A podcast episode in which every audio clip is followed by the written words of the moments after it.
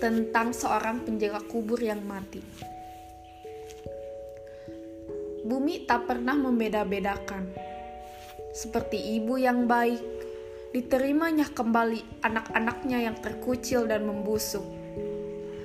Seperti halnya bangkai binatang, pada suatu hari seorang raja atau jenderal atau pedagang atau klerek sama saja. Dan kalau hari ini si penjaga kubur, tak ada bedanya.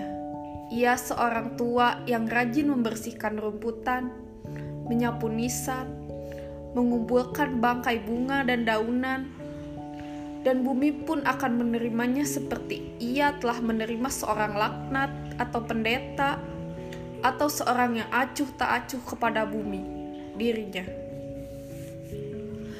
Toh akhirnya semua membusuk dan lenyap.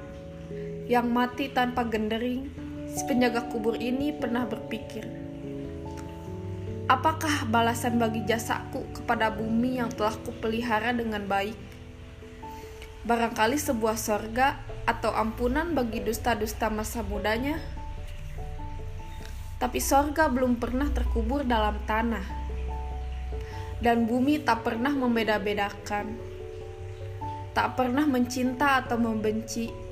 Bumi adalah pelukan yang dingin, tak pernah menolak atau menanti, tak akan pernah membuat janji dengan langit.